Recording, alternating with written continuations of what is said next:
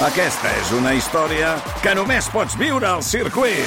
24, 25 i 26 de maig. Gran premi Monster Energy de MotoGP al circuit de Barcelona, Catalunya.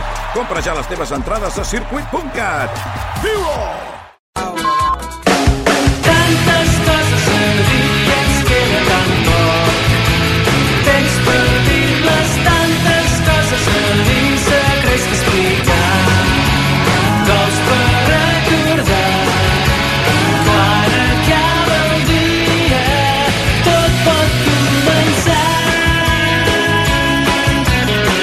Diràs, amb Gerard Ballera.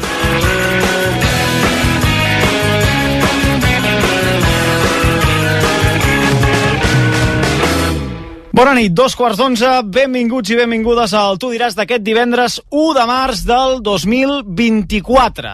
A aquesta hora la notícia és al Palau Blaugrana, el dia que Ricky Rubio ha redebutat amb la samarreta del Barça a l'Eurolliga contra el Mònaco, en un partit, això sí, molt fluix de l'equip blaugrana. Podríem dir que ha estat el pitjor partit del Barça aquesta temporada en competició europea a casa.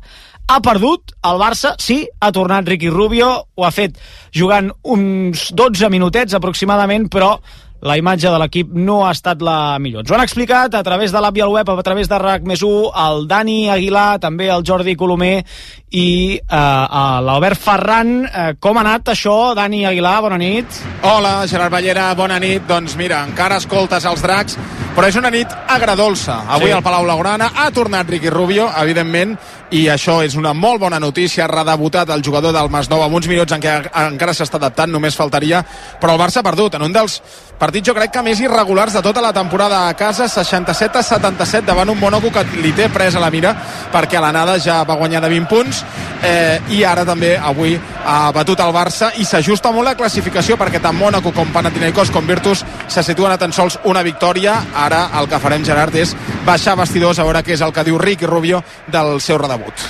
Perfecte, doncs ens demanes pas quan estiguis al costat de Ricky Rubio i després també ara d'actualitzar el més destacat de la jornada i de l'actualitat esportiva. Ho analitzem tot plegat amb el Jordi Colomer i amb l'Albert Ferran. Fins ara, Dani.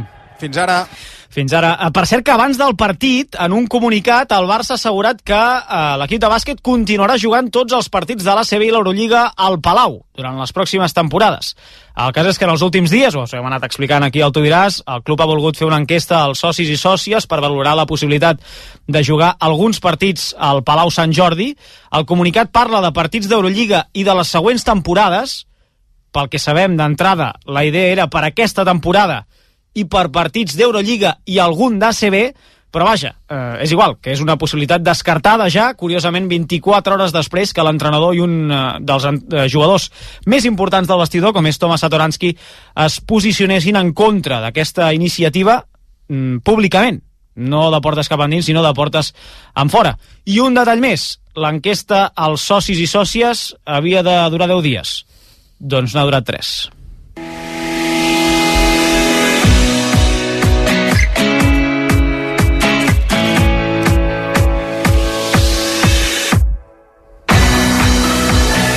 De seguida tornem cap al Palau Blaugrana per sentir a Ricky Rubio en aquesta derrota del Barça de bàsquet contra el Mónaco. Avui a la tertúlia ho comentarem tot plegat també amb el Ferran Martínez, el Juan Irigoyen i la Marta Corredera. Hem de sentir, per exemple, el que ha dit Roberto De Zerbi sobre la possibilitat de deixar la banqueta del Brighton a finals d'aquesta temporada. Recordo que és un dels candidats a ocupar la del Barça. També ha parlat Christensen, el central blaugrana, ara que es parla molt de la necessitat de vendre jugadors doncs eh, Christensen en una entrevista al seu país diu que aquí sí està molt bé i que de moment no vol marxar en lloc. I també anirem cap a Bilbao amb el company Iñaco Ugalde de Mundo Deportivo per saber com han paït allà la classificació per a la final de Copa a 48 hores del gran partit del cap de setmana, aquest Atlètic Club Barça a Sant Mamés. Avui que, per cert, el Club Basc ha lamentat els incidents que es van produir ahir tant a la prèvia com al final del partit, eh, mentre que l'Atlètic de Madrid també ha condemnat els fets i, a més, ha anunciat que no vendrà cap entrada a l'afició de l'Atlètic Club en el partit de Lliga que encara han de jugar els dos equips al Kivitas Metropolitano. Asseguren que ho han consensuat amb la policia espanyola. I és un cap de setmana amb partits importants per la Lliga, aquest eh, Mallorca-Girona que hi ha diumenge, i el de demà a les 9, en directe també a rac com eh, tots els partits interessants d'aquest cap de setmana. El València, Real Madrid, més tard, més tard sentirem què n'han dit Carlo Ancelotti i Rubén Baraja del retorn de Vinícius a Mestalla després de tot el que va passar la temporada passada.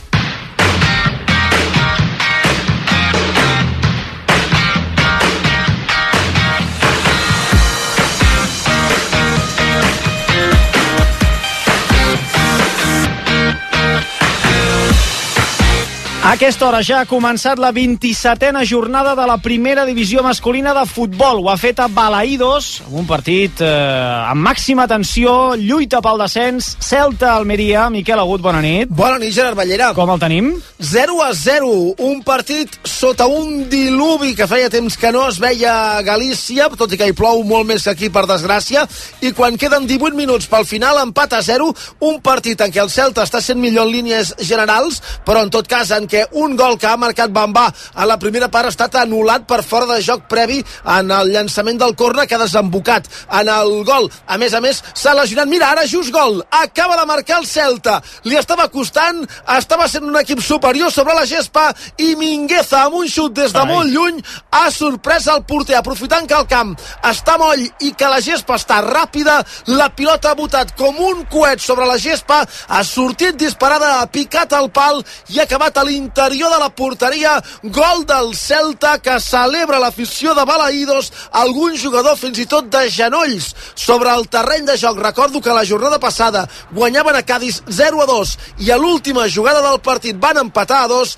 i Mingueza, segurament el millor jugador sobre la gespa, amb un xut de lluny que ha picat a la base del pal abans d'entrar a l'interior de la porteria, acaba d'obrir el marcador. Un resultat que permetria al Celta agafar aire i distanciar-se fins a 6 punts del descens perquè aquesta victòria, si l'acaba consumant, seria bàsica per les aspiracions de permanència de l'equip de Benítez. Bon xut, bon gol de Mingueza, per tant, ara mateix a 16 pel final 1 a 0 guanya el Celta, l'Almeria és una altra de les incidències amb 10 per l'expulsió de Bruno per una entrada salvatge.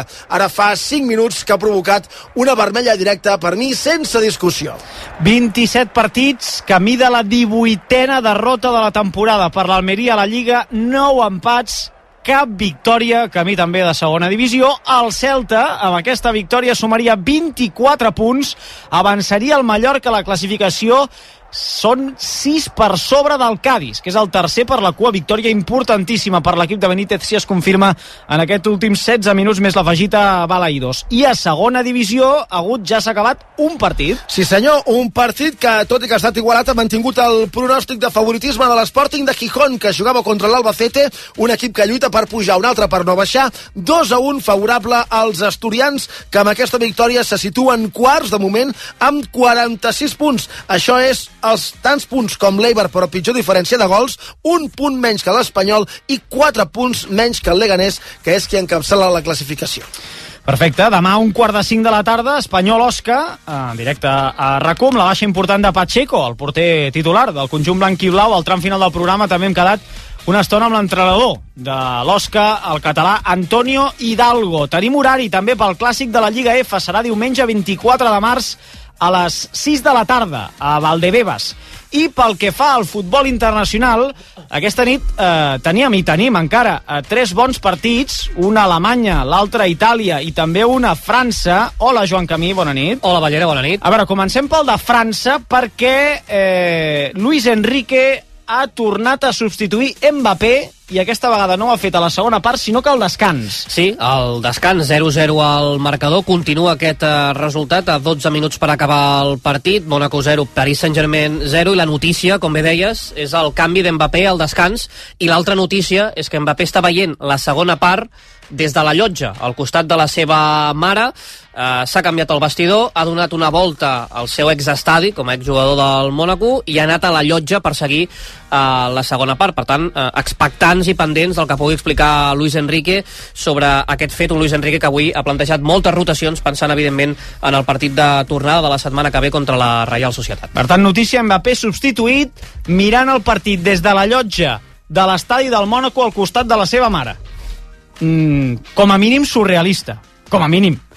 mm, no és a la banqueta o no hauria d'estar. És veritat que el Paris Saint-Germain té partit eh, dimarts contra la Real Societat, sí, però ja és el segon partit que el canvia, amb 0 a 0, en un partit important, a casa del Mònaco, i se'n va a la llotja. Estrany, molt estrany. Eh, aquesta és una de les notícies. L'altra notícia, Alemanya. El Bayern punxa. Sí, ha tornat a ensopegar, en aquest cas empat al camp del Friburg, 2 a 2, per tant, si el Leverkusen guanya aquesta jornada, ja tindrà una distància de 10 punts respecte al Bayern de Múnich. Tuchel, que ja ha avisat que, o ja ha anunciat més aviat que no continuarà la temporada que ve, doncs segueix sense treure-li rendiment a aquest Bayern, que ho feia tota la Champions, recordem, eh, aquests eh, vuitens de final contra la Lazio. Sí, que n'està jugant el seu partit a Itàlia i no li van massa bé les coses. Sí, un minut per acabar el partit, ja estem en el temps de descompte. Marcat el Milan Ferrés, Lazio 0, Milan 1, la Lazio jugant amb dos jugadors eh, menys, ha marcat Okafor al minut eh, 87, per tant, nova derrota de l'equip de Sarri. déu nhi sí, la Lazio avui amb, amb nou jugant a, a casa i perdent 0, 0 a 1. I veig, mira, ara una altra vermella, eh, no una vermella i una groga, ensenya l'àrbitre. Alhora, eh? L'àrbitre molt coordinat, no sé per qui és la vermella eh, i tampoc per qui és la groga, però en qualsevol cas, mira, la vermella és per un jugador de la Lazio, per eh, Gendouzi, o almenys és el que està protestant, eh, tres la, expulsats. La realització sí. col·loca tres vermelles. Tres a la Lazio. vermelles. Doncs vinga, amb 8. Amb 8 acabarà la Lazio el partit. Lazio 0, Milan 1 ja el temps afegit en els últims eh, minuts. déu nhi si, si això fos Real Madrid Televisió, no fos el Madrid, eh, Marco Di Bello, que és l'àrbitre, eh, ti- Sí, sí. tindria, tin- tindria vídeo segur. No, 24 hores. Un especial de 24 hores, un vídeo de 24 hores de- d'aquest àrbitre, si, si ho fos. Eh, no em moguis, Camí, a veure com acaba el Paris Saint-Germain-Mónaco. Ara ho comentem i t'espero després també, evidentment, per fer la volta al món amb el Naveira. Ara que parlem de futbol internacional, res, dues coses més. La selecció espanyola masculina jugarà un amistós contra Andorra el dia 5 de juny a Badajoz, servirà per preparar l'Eurocopa i també per celebrar el centenari de la Federació Extremenya i tenim convocatòria del Brasil per la pròxima aturada de seleccions i va Rafinha del Barça, també Jan Couto del Girona i la gran novetat és Savinho, convocat per primera vegada amb l'absoluta. Els partits amistosos, però xulos, contra Anglaterra a Wembley i contra Espanya al Santiago Bernabéu.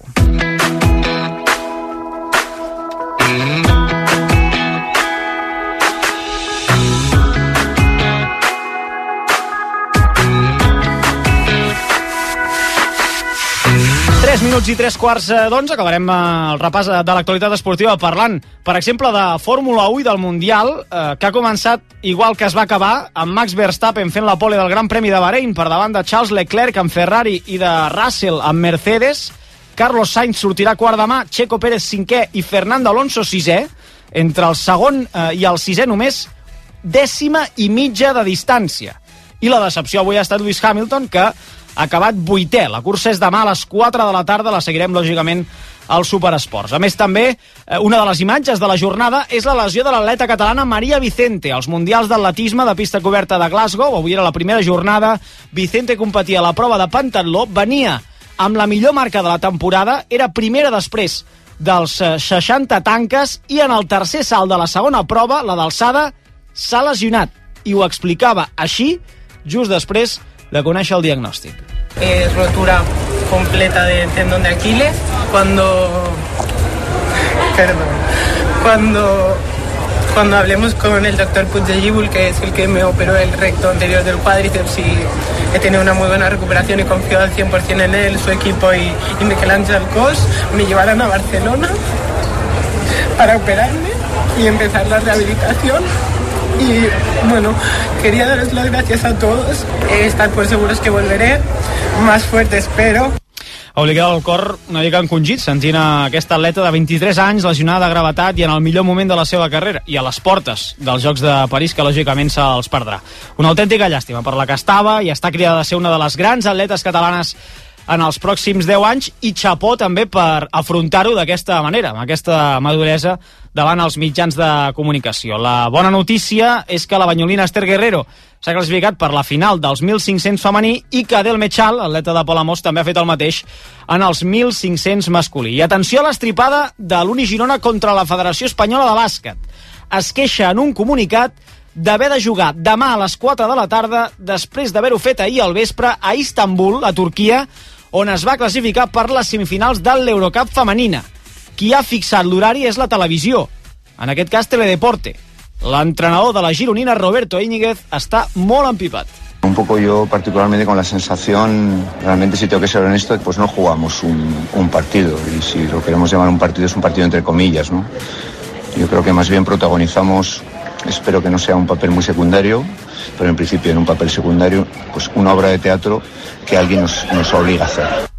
L'Uni sap que per demà ja no hi ha res a fer, però espera, com a mínim, que la FEP ho tingui en compte més endavant. I a la Lliga de Futbol Sala eh, s'ha acabat ja el partit de l'Indústria Santa Coloma amb empat a 3 a la pista del Movistar Inter, empat meritori. Eh, Movistar Inter és un dels equips punters de la classificació, ara mateix sisè, l'Indústries manté la vuitena posició.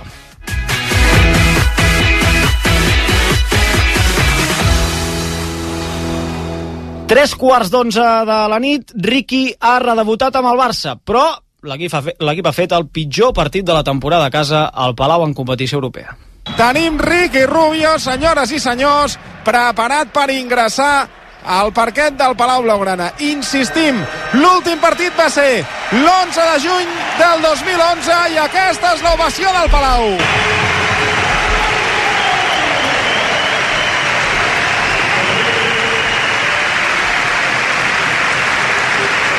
Ovació per Ricky Rubio en l'instant en què entrava per primera vegada a la pista, ho ha fet tant a la primera part com a la segona. Hi ha hagut ovació també a l'inici del partit, abans que comencés, a l'hora de, presentar un, de presentar un per un als jugadors. Hi ha hagut ovació per, per Ricky, però eh, com són les coses, el partit ha anat molt malament pel Barça. Crec que tinc el Jordi Colomer encara a la posició de comentaristes del Palau Blaugrana. Hola Jordi, bona nit. Jordi, bona nit. Hola, bona nit. Hola, bona nit. Ara sí que podem sentir. I l'Aguilar també, que corre pels vestidors de, del Palau. Hola, Dani.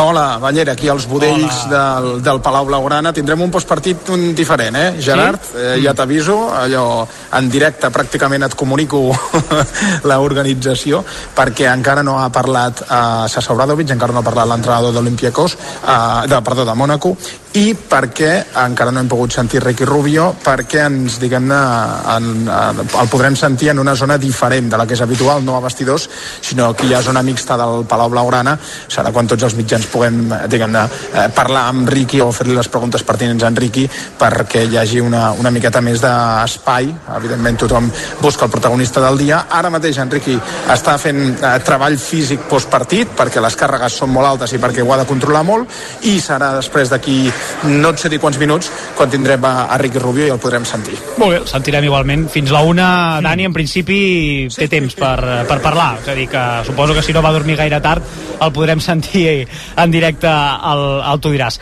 Li deia al Colo eh, que sí, que Ricky ha redebutat, que ha tornat, que ha estat, jo crec que la imatge de la nit, però que el partit mm, no ha anat bé, especialment a la segona part, no, Colo? Sobretot, hem tingut un uh, molt bon inici del Barça, llegint perfectament el partit, veient que el Mónaco és un equip amb problemes en el tir exterior, i llavors s'han tancat molt bé, han anul·lat perfectament a Mike James, que era el màxim anotador de l'Eurolliga, gran perill al primer quart, 21-12, però el segon ha canviat i Mike James ha començat a connectar i sobretot el que s'ha enfosquit totalment ha estat el panorama del Barça en atac. Hem vist... Eh, és a dir, no és que els tirs no entressin, hem vist jugadors una mica desesperats com Kalinic que està amb 0 de 6 triples, hem vist un triple al contraatac de Brizuela que ha estat una autèntica pedrada, mm. tirs fallats a sota de Bill i de Jabari Parker, gens habituals, i al final el Mónaco ha acabat fins i tot amb una victòria còmoda. Mm. Eh, interpretes que pot haver descol·locat una mica l'equip el fet que s'hagi posat tanta atenció a aquest retorn de Ricky o, mm, o creus que, per exemple, ho justifiques més pel fet que hi hagi hagut tant de temps entre l'últim partit de, del Barça a la Copa i el, i el d'avui? Jo crec que, és que el Mónaco és, dels, és un equip que aspira tot. Ja va estar a la final a 4, és un equip molt físic, que sap jugar lent, sap castigar-te. Aquesta temporada ha pallissat a casa tant al Barça com al Madrid, vull dir que són els dos primers i ha sabut eh, llegir molt millor la segona part i han faltat jugadors. Hi ha jugadors eh, molt desconnectats avui, només Bessel i una miqueta i és que no salvaries a ningú més. Ricky Rubio, òbviament, és un procés eh, portem tota la temporada explicant que el Barça juga d'una manera, llavors quan entra la segona unitat amb Billy Hernán Gómez canvia la forma de jugar perquè es volca molt amb Billy Hernán Gómez i avui, per exemple, hem vist Ricky Rubio amb Billy Hernán Gómez i la pilota de Ricky Rubio. Doncs aquests són processos que el Barça, mica en mica, haurà d'anar ajustant i que necessiten canvis. També rotacions més diferents. Britola eh, molts minuts entre un punt i l'altre, la Provítola una mica més minuts dels habituals a la banqueta a la primera part, eh, canvis a jugar a dos bases, Kalinitz a quatre... Ha d'anar... Clar, li ha canviat la plantilla amb un element eh, que ha de canviar moltes coses i que és molt protagonista, i es necessita un procés d'ajustar que no és fàcil perquè no hi ha entrenaments, per tant ho hauràs d'anar ajustant en els partits. Mm. Eh, Dani, eh, en general, jo crec que veient el Palau eh, buidant-se a falta d'un, dos minuts pel final, la sensació una mica destrampada, no?, de la gent? Sí, sí, sí. Eh, també et dic que, que, que, que això és un mal a vegades endèmic dins de l'esport professional, eh? que, que la gent, vaja, aquí cadascú per gustos els colors, eh, jo no acabo d'entendre com hi ha persones que a falta de eh, 3 minuts i en 8 a baix eh, pot marxar al Palau, però aquí que, per gustos els colors que cadascú paga la seva entrada, però sí, sobretot en la sensació que al principi era una festa de tal magnitud, saps allò quan està tota la festa perfectament muntada, Clar. quan hi ha tots els detalls i, i, i tot està a lloc i tot ha de sortir perfecte? I de sobte, doncs, un xoc de realitat. I, hosti, un moment, però que ens havíem oblidat que el Barça també ha de guanyar el partit clar, eh, a partir d'aquí el partit jo crec que el Mónaco l'ha dut al seu ritme com deia en Colo, s'ha anat embrutint eh, fa, hi ha hagut un, un moment de, de desconnexió de l'equip eh, una cosa molt eh, eh, molt amb, amb un ritme molt, molt estrany i mira, perdona, eh, Gerard Sí? perquè és que estic veient per la porta que apareix Rique Rubio Doncs mira. a veure, a més, mira, de casualitat, l'estic veient com, com apareix, ens posarem en primera, en primera fila. Això serà una miqueta un caos, eh, Gerard? Ja t'aviso que si en algun moment Cap problema, eh, cap perdem la problema. comunicació... Ràdio en directe. Eh, podria ser perquè, sí, apareix ara mateix en, en Riqui, com us podeu imaginar, amb moltíssims mitjans eh, avui amb eh, ganes d'escoltar què diu el, el base del Masnou i ara de seguida el Carles Cascante Queda clar, 5 minuts, 5 minuts com a doncs, màxim. Sí, arrenquem, que estem en directe. És la reestrena que, que esperaves, no? Tot i la bona rebuda del Palau i el gran ambient, aquesta, aquesta derrota no, mai, mai és positiva, no? No, perdre mai és bo, però bueno, eh, hi ha treball a fer i, i bueno, eh, han aconseguit un coixí a Eurolliga que encara anem segons i, i tenim que treballar. 13 anys després te'n recordaves d'aquest ambient, de- d'aquest Palau eh, màgic que recolza tant el seu equip? Bueno, és, és especial jugar aquí. La veritat és que és un pavelló comparat pues, petit però molt acollidor i, i que segur que en moments grans eh, fa por jugar aquí. Riqui, en directe, de la sortida, sortir, l'ovació, el gest que t'hem vist, ha estat emocionant? Ha estat com t'imaginaves? Sí, bueno, avui era un partit difícil per emocions i per, per bueno, eh, sensacions. Eh, he intentat controlar-ho i que no afectés a l'equip. Eh, per desgràcia pues, hem perdut i això pues, eh, no, no es pot celebrar. Però bueno, content de, de tornar a jugar. ¿Qué has sentido? ¿Cómo te has sentido? nada más entrar a, a cancha? Bueno, eh, muchas emociones, pero mucho trabajo hecho y ejercicios en la cabeza para, para controlar todo eso y, bien, eh, cambiando muchos mecanismos para un poco sentirme eh, bien, ahora un poco raro, pero bueno, se irán ajustando. Riqui, en directe el, el tu diràs, em, al Palau què li dius després d'aquesta rebuda? Moltes gràcies, la veritat és que m'he sentit molt a gust, m'he sentit eh, molt recolzat i, i espero que puguem donar moltes alegries. ¿En qué momento el Gribau te comunica que juegas?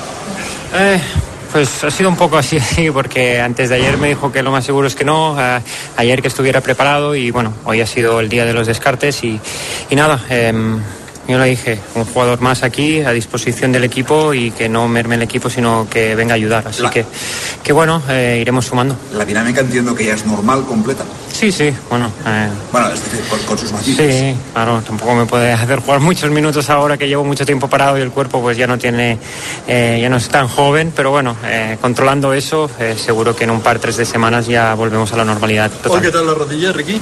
Bien, eh, ajustando la nave diría, ¿no? Un poco, bueno, tanto mentalmente como físicamente, pues ha sido un tiempo parado y, y se tiene que ajustar. Un cop has vist tota la dinàmica de l'equip i, i sabedor del talent que té aquest equip, Riqui, a on pot arribar aquest Barça? Bueno, tenim que treballar dia a dia. Hi ha coses a millorar, però sí que és veritat que hi ha talent, hi ha, hi ha, hi ha jugadors de, de molt nivell i, bueno, cau de terra, com aquell qui diu, no? Eh, una competició molt diferent. Eh, doncs 13 anys o 12 anys acostumats a jugar en NBA aquí és, és, un altre, és un altre estil per tot que sigui el bàsquet doncs eh, s'ha d'ajustar a moltes coses ¿Tu experiencia previa en el Barça, en Euroliga, te sirve para saber un poco lo que te vas a encontrar o, o es muy distinta esta Euroliga hoy, 13 años después? Yo creo que es distinta, el baloncesto ha cambiado muchísimo. También, pues, eh, yo he cogido buenos y malos hábitos de, de jugar en la NBA, diríamos. Las reglas, pues, aún las estoy tomando. He hecho una falta y me han dicho que vigila que es antideportiva. Bueno, vamos a ajustar un poco todo eso. Es cuestión de, de práctica, de ir eh, jugando. Sí que es verdad que la competición, pues, eh, tiene ese encanto, pero incluso que cuando, creo que cuando jugaba yo no era toda una liga, ¿no? Sino había eh, fases. Y, y bueno, eh, ajustar un poco todo eso. Riqui, com ha estat la rutina avui? Com ha estat la rutina? Ha estat la mateixa que en altres tipus de partits, diferent, perquè t'has aixecat a casa, has vingut aquí al Palau. Com ha estat una miqueta el, el dia? Si Sí, és totalment diferent. He pogut portar el meu fill al col·le i, i, i després poder fer un cafè tranquil·lament a, a, amb els amics i és algo que, que s'aprecia, que, que quan no ho tens pues, eh, pues es troba molt a faltar i estar aquí és, és diferent. ¿Quiénes son los compañeros que más te ha sorprendido el vestuario?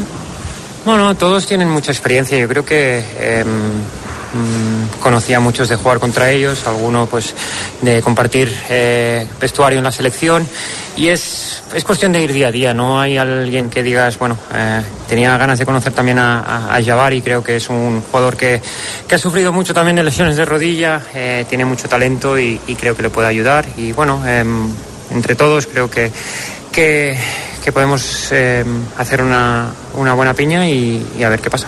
Vale. Doncs fins aquí les paraules de Ricky Rubio. No sé si ha arribat bé el so, companys, o no. Sí, sí, sí, ha arribat per, perfecte. Sí?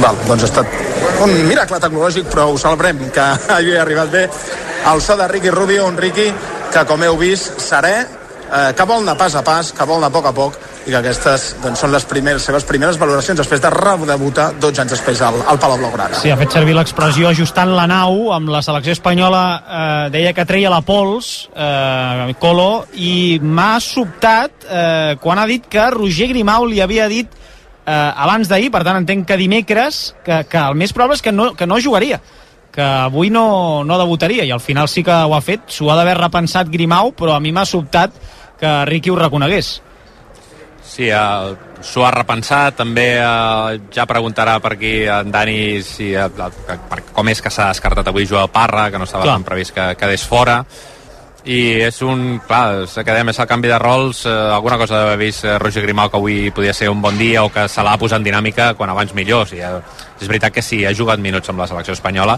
tampoc té molta lògica que ara aquí s'esperi setmanes a debutar. Sigui, és que el calendari és el que és. Estàs ja a la recta final de la fase regular de l'Eurolliga, la segona volta de la CB, per tant l'has de posar en dinàmica ja i no pots esperar i tota oportunitat és bona. I avui no, sí, no crec que hi hagi una incidència directa entre a Ricky Rubio i la derrota, sinó que ve per altres factors.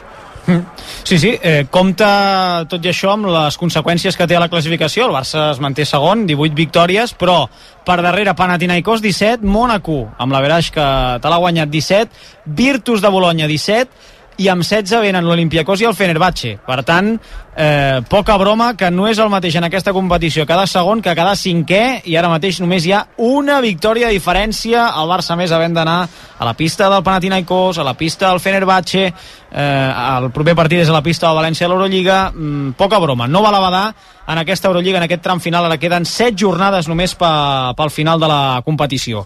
De la notícia que hem tingut aquest, eh, aquesta tarda, diria, a primera de la tarda, eh, de la negativa d'anar a jugar al Palau Sant Jordi, Colo, em vols dir alguna cosa? Vols fer-ne alguna valoració? Després de sentir ahir Roger Grimau i Satoransky, el club canvia d'opinió 24 hores després que aquí crec que hi ha hagut un problema de necessitats. És a dir, el Barça té una necessitat clara d'ingressar i per tant pensa en el Sant Jordi perquè pot prendre més entrades i fer uns diners que necessita i no sé si s'ha fet del tot eh, com s'havia de fer a nivell de comunicació perquè sobta molt que sortien ahir els jugadors i Roger Grimau de forma tan clara dient que no això normalment eh, allò de es parla i no dieu res, que s'està fent l'enquesta i, però és que clar, és impossible que facin el canvi perquè s'ha comentat amb la retransmissió, com els resultats no acompanyin el Sant Jordi amb els jugadors i l'entrenador que t'han dit que no era bona idea fer el canvi, és que no pots fer-lo.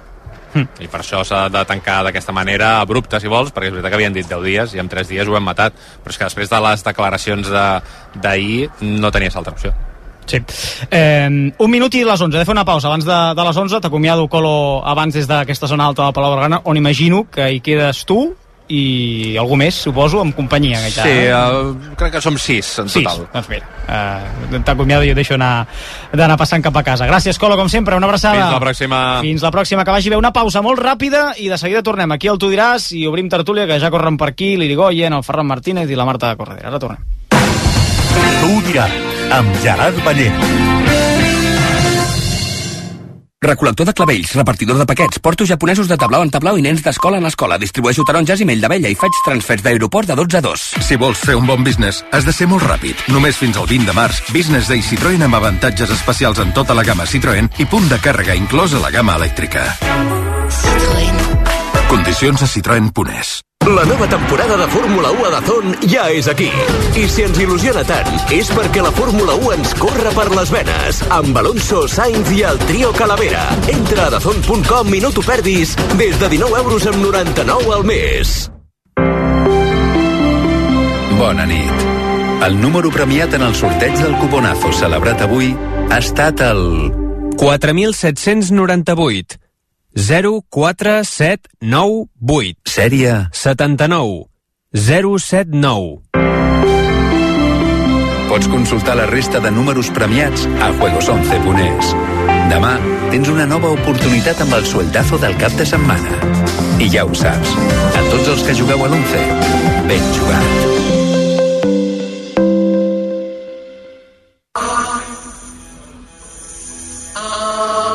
Tu diràs, amb Gerard Ballera.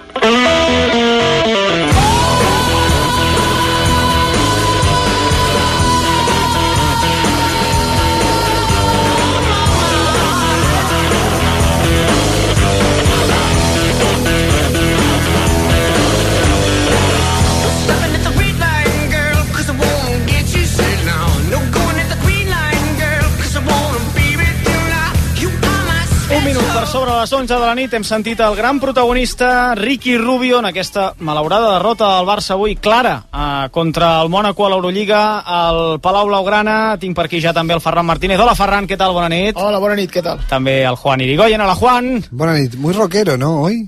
Sí, el tècnic Víctor Valero ha decidit començar amb una mica de, una mica de rock and roll què et sembla? Mm, No, muy bien. ¿Qué- Vens, qué- qué- eh, Sí, como tu vens amb ganes de rock and roll avui? Eh, Tu jerseyito rockero. Sí, sí, siempre estoy con ganas de rock and Siempre, roll. ¿no? Sí. ¿Qué sonaba, Mikey, vos que sos acá? No, no sé perquè jo a, a, a aquest nivell, a mi m'agraden les guitarres però tant com en Víctor no eh, jo diria que és una cosa com Motorhead o alguna cosa per l'estil, no? Greta Van Fleet, mira Greta Van Fleet Muy lejos de Motorhead. Entonces, el que sabe, seguís atado en el Britpop. Sí, sí, no, és una cosa que m'agrada bastant, ho reconec, és una filia que tinc, sí, sí. sí. Perquè tu quines referents... Quin re... Perdona, Gerard, però... No, quins referents tens? ¿Quién? Gerard, te arruinamos el programa. No, no, el programa. contestar, pero Per- si es- perdón. si es allò- Pero amb- siempre digo que mi referente es Radiohead. Lo dije mil veces acá. Ah, sí? ¿No me escuchás? Sí, sí, home, és que dius tantes coses que, escolta, al final ja he, he, he de posar el Pero al colador, que, que. Gerard presenta la más importante de todos. acá. Sí, no sé si li agrada el rock and roll o Radiohead o què li agrada a la Marta Corredera. Hola Marta, bona, Bona nit, Gerard. Bona nit, encantat de que siguis uh, aquí amb nosaltres una altra vegada, que feia unes setmanes que, I que no et uns mesos, saludar. també. I uns mesos, potser, sí. Sí, dic setmanes, però, però potser, eren, eh, potser eren mesos. Eh, ha acabat el partit de primera, Gut? Sí, senyor. Com el deixàvem amb l'1-0 favorable al Celta, si no guanyaven avui era perquè pleguessin de la competició, perquè estaven jugant contra 10 per l'expulsió de Bruno, del lateral esquerre de l'Almeria, i a més a més s'ha lesionat Baptistau, però com que havien fet tots els canvis, ha acabat coixejant per la gespa per veure si en podia caçar alguna. Gairebé han acabat jugant contra 9 i els gallecs, que podrien haver fet algun altre gol, Strand Larsen n'ha tingut alguna, el millor jugador del partit, segons la tele, no ha marcat, però ha tornat a fer una bona actuació. Qui ha marcat, ja ho hem dit, és Mingueza, per tant, 1-0 del Celta contra l'Almeria, que continua sense saber què és guanyar un partit en aquesta lliga.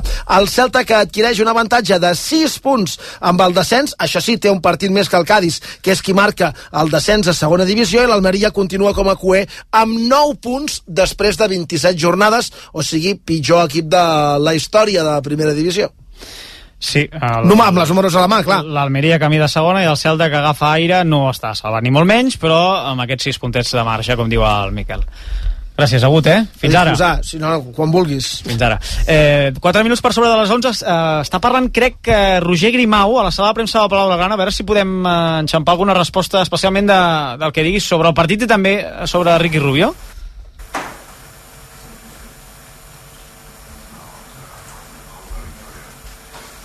Estava parlant, eh? O estava començant a, a parlar eh, el tècnic de, del Barça que s'asseu a, la, a la sala de premsa i començarà a respondre a les preguntes dels eh, periodistes. Bona nit a, a tothom. Iniciem la roda de premsa amb el nostre coach Roger Grimau. Uh, qui vol començar? Ah, primer farem una valoració del partit, però en català, i després començar. Bona nit a tothom. Um, crec que hem entrat bé el partit, hem fet una molt bona primera part, amb el to general de, de desencert no hem pogut agafar un avantatge um, més gran i bé, el tercer quart um, doncs molt semblant. Hem anat tirant situacions de, de joc on hem aconseguit tirs oberts uh, bastant clars que no, que no hem ficat i mica en mica crec que això ens ha anat menjant una miqueta la, la moral eh, i, i ha repercutit a nivell a nivell defensius en alguns uns contra uns, eh, sobretot en rebot defensiu i, i bueno, hi ha un, un moment que s'ha s'ha trencat el partit i ens ha costat molt tornar-hi. Xavi? Sí, hola. Roger, Xavi Seixó, de Barcelona. Ha sigut definitiu un partit espès, no?, de percentatges baixos, ells han dominat el rebot, un partit que ells no han marxat del partit quan estàveu vosaltres millor. bueno, insisteixo, un partit una mica espès, no? Sí, sí, jo crec que la primera part hem estat mm, millor a nivell de, a nivell de, de mort a pilota, és veritat que el segon quart hem baixat una miqueta, hem, hem entrat bé, hem trobat bons tirs, eh, primer quart hem estat un pèl més encertat i és el que ens ha permès doncs, agafar aquest avantatge. Però després el partit, com bé diu, s'ha anat, anat trebant amb atac hem trobat bones situacions fins al moment en què potser ens ha entrat una miqueta la frustració i, i no hem fet el joc que, que havíem de fer.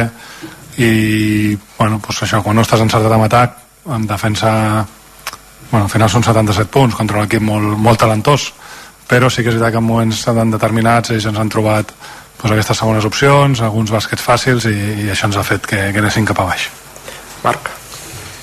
Sí, Roger, volia preguntar-te, obrir una mica el foco i dir eh, si mires com ha reprès l'equip, no, no el partit, sinó la setmana després de l'aturada, el balanç, jo no sé si el que com heu entrenat aquesta setmana es correspon al, al, al joc que t'ha desplegat l'equip, no? Però si obrim una mica el foc i, i analitzem la setmana sencera de, de, de treball, la, la sensació que tens l'equip post-aturada, conjunta quina és? No, no, no ha fet justícia al partit a, a, a la setmana que, que hem fet, hem entrenat bé, hem, uh, hi ha hagut aquest peron i jo crec que, que ens ha servit per regenerar una miqueta, però per nivell global la setmana ha sigut uh, bona a nivell d'entrenaments. I... Són les paraules de Roger Grimau després d'aquesta derrota del Barça de bàsquet contra el Mónaco al Palau Blaugrana i després del redebut de Ricky Rubio. Si li pregunten per Ricky, eh, ens ho farà saber, evidentment, el company eh, Dani Aguilar, que és a la, a la roda de premsa eh, seguint aquesta compareixença del tècnic de, del Barça, però vaja, crec que ja hem sentit el, el protagonista de la nit, que és ell, que és Ricky, que és Ricky Rubio, i també les primeres valoracions, com dic, de, de Roger Grimau.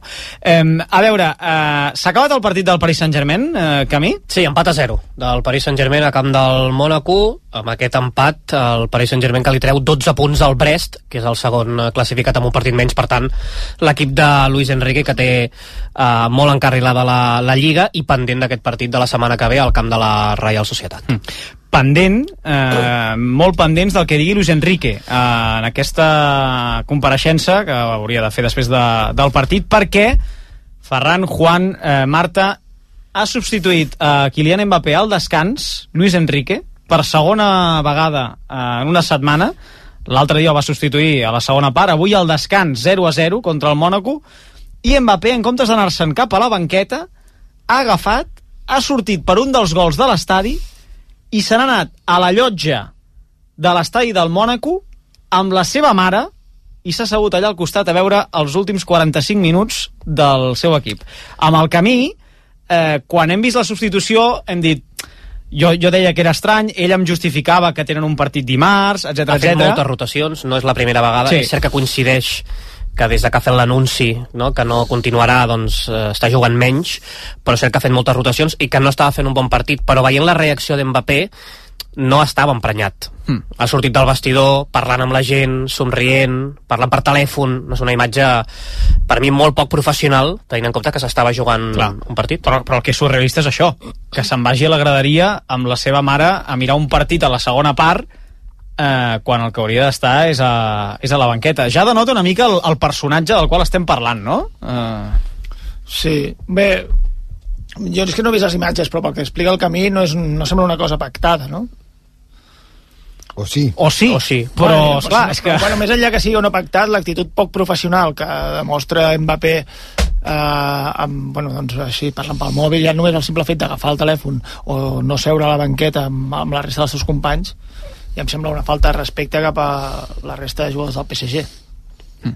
Marta, ho has fet mai això d'anar a la llotja a veure, No. acabar de veure un partit? No, eh? no, no, no. I estic segura que a Luis Enrique no li haurà agradat i als companys tampoc. O sigui, al final tu penses com a Hi ha codis de vestidor, no? Home, hi ha coses que no es poden... Jo crec Bueno, s'han de una- respectar, vull dir... Una vez, Marta, una vez que ya no estás en... Porque en el banquillo está prohibido para los jugadores. O sea, un código, no me acuerdo, es en el Barça, en una Copa de Cataluña, ¿se acuerdan? Que Piqué o alguien había usado el móvil, no. Sí, crec que era Piqué, no? Eh, I era un partit... Eh... Era una Copa Catalunya, Sí, jo creo. crec que sí. Jo crec que era un partit de, Pero claro, una de que poca en, importància. una vez que estás en la grada, No, o sigui, a mi lo, lo grave me parece que s'hagi Exacte. de la grada. Ah. Clar, clar, no, no, no. Ja, al final, si una, una, una vegada que estàs a la grada ja fas el que vulguis, però a mi el greuge d'això és que hagi anat a la grada en comptes d'anar-se a la banqueta amb els companys. No, I a, a tot això és el que deia el Joan, eh, des de que Mbappé li diu al Paris Saint-Germain ell no renovo, Luis Enrique el canvia constantment, no acaba els partits i deixa anar frases com ens hem d'acostumar a jugar sense Mbappé. Sí, però a mi em sorprèn una mica tot plegat, perquè semblava que havien que ell volia fer bé les coses abans de marxar al seu proper destí, que encara no el coneixem. Mm. Um, crec que es va arribar a publicar a França que ell havia ho havia comunicat a la plantilla i als seus companys amb, eh, amb l'objectiu també de dir-los que volia marxar a guanyar la Champions i bé, que hi havia certa ambició i que encara sen seguia centrat en el Paris Saint-Germain però vaja, no sembla molt... Sembla que com a mínim amb l'entrenador eh, tan bon rotllo no hi ha. Però per la, per la reacció que ha tingut, jo tinc la sensació que estava pactat. No, és a dir, que estava pactat que el canviaria, El canvi. no que aniria, la, evidentment, a la, a la llotja, perquè no és...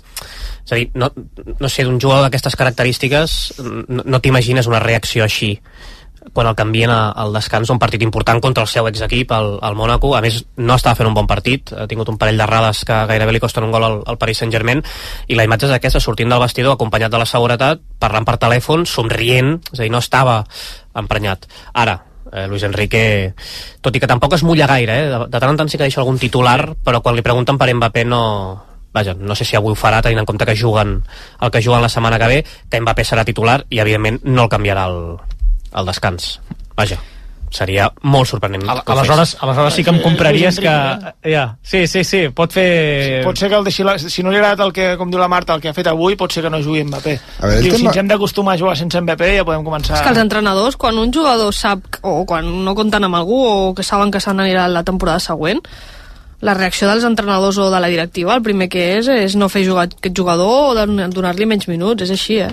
Home, Sí, si pero a algú, si siempre algú me pot fer és Luis Enrique Siempre me pareció eso un desperdicio de los A activos del club. A mí si vos también. tenés a Mbappé, con lo que significa Mbappé, con lo que le pagás a Mbappé, porque si no decís, mira, Mbappé juega gratis y bueno, pero ya tenerlo en el campo ya activa a, to- a, dos defensores mínimo, al que lo marca por su punta y al que está cerca al segundo central que está, o sea, el extremo, depende si juega de, extremo al su lateral y al central. Ya hay dos tipos que están pendientes de él. Entonces me parece un desperdicio sacarlo porque, bueno, porque se va al Madrid o al Manchester City o a donde se quiera ir. Mientras le paguemos el sueldo, aprovechémoslo. Jo, jo opino el mateix, eh? A més, és una cosa que sempre he criticat, eh? Si, si tens un jugador fins al 30 de juny, a tu t'interessa guanyar la Lliga, guanyar, guanyar, guanyar, guanyar, i l'has de posar al camp si és el, el millor, vull dir, és que... Estamos hablando de Mbappé, aparte. Sí, no, no. Sí, sí, clar. No es que Sí. de Griezmann. No, de, i- de tu amigo Griezmann. No, sí, està lesionat. S'ha notat, eh, que l'Atleti de Madrid eh, a sense ell no, no és capaç de, Perquè de seguir guanyar. de- seguir no, no, a no, el defenso, no. no el defenso, però Home, crec que la home, seva home, temporada... home, No, no, no, és que Aquest la seva any. temporada- Defensa que se ets tu. Però per què no? No, Exacte. no és un bon jugador. Es buen jugador en se demuestra en un equipo grande, ¿o ¿no? ¿Qué hizo en el Barça? ¿Se asustó con Messi? Bueno, listo, está bien. Se asustó con Messi y ya está. I quants jugadors s'han espantat amb Messi?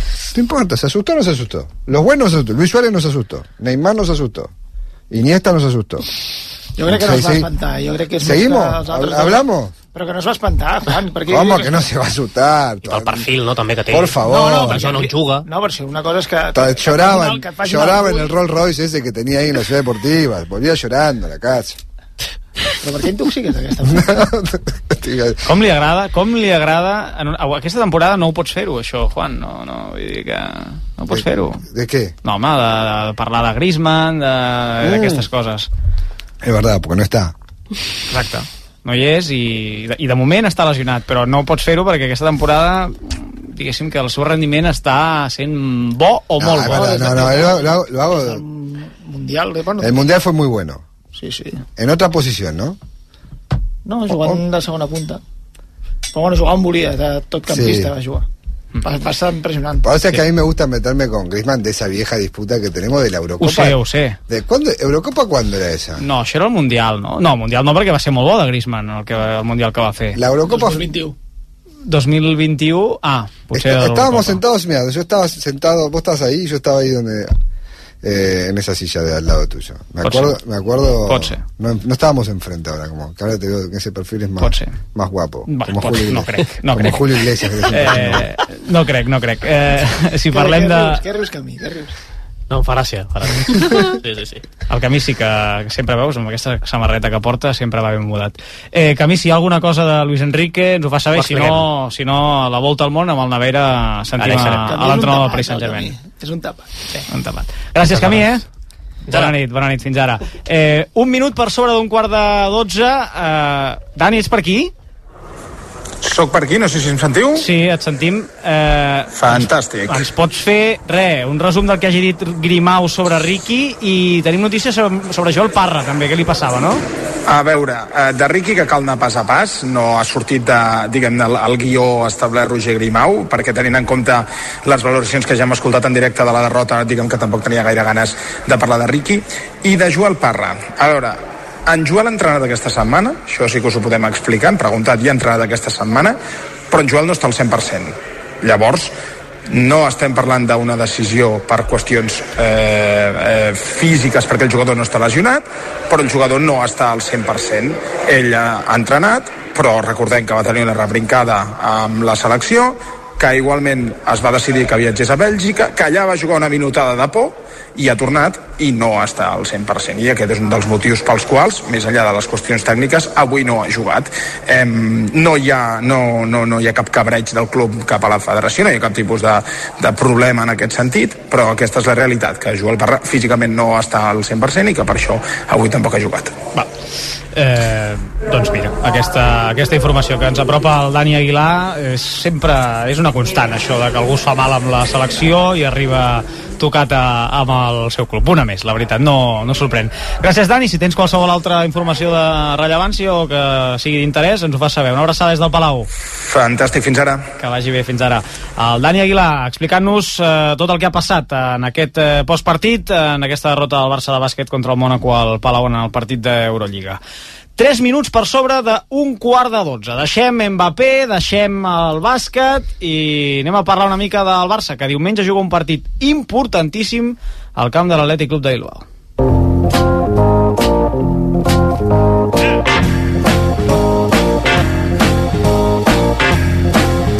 I ho farem, com sempre, amb la Laia Coll. Hola, Laia, bona nit. Hola, bona nit. Tot bé? Tot bé?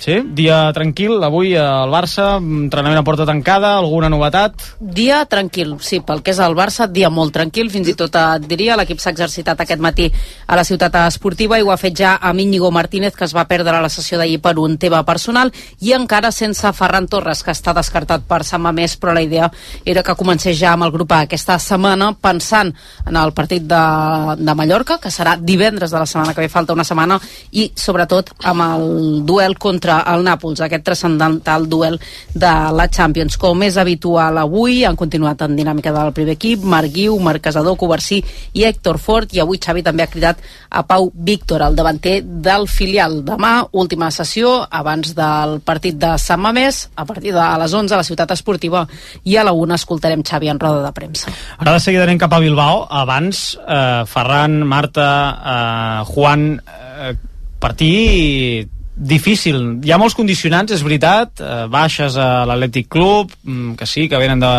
de classificar-se per la final de, de Copa, però és un dels partits de- d'aquells que marcaran el termòmetre de l'equip, no? que poden marcar... Sempre, crec que, que abans de cada cap de setmana ho anem remarcant, no? però eh, diguéssim que és un partit que si el guanyes eh, fas un salt cap endavant eh, segur, encara que hi hagi baixes, encara que hi hagi la Copa o que hi hagi la Copa pel rival, etc etc.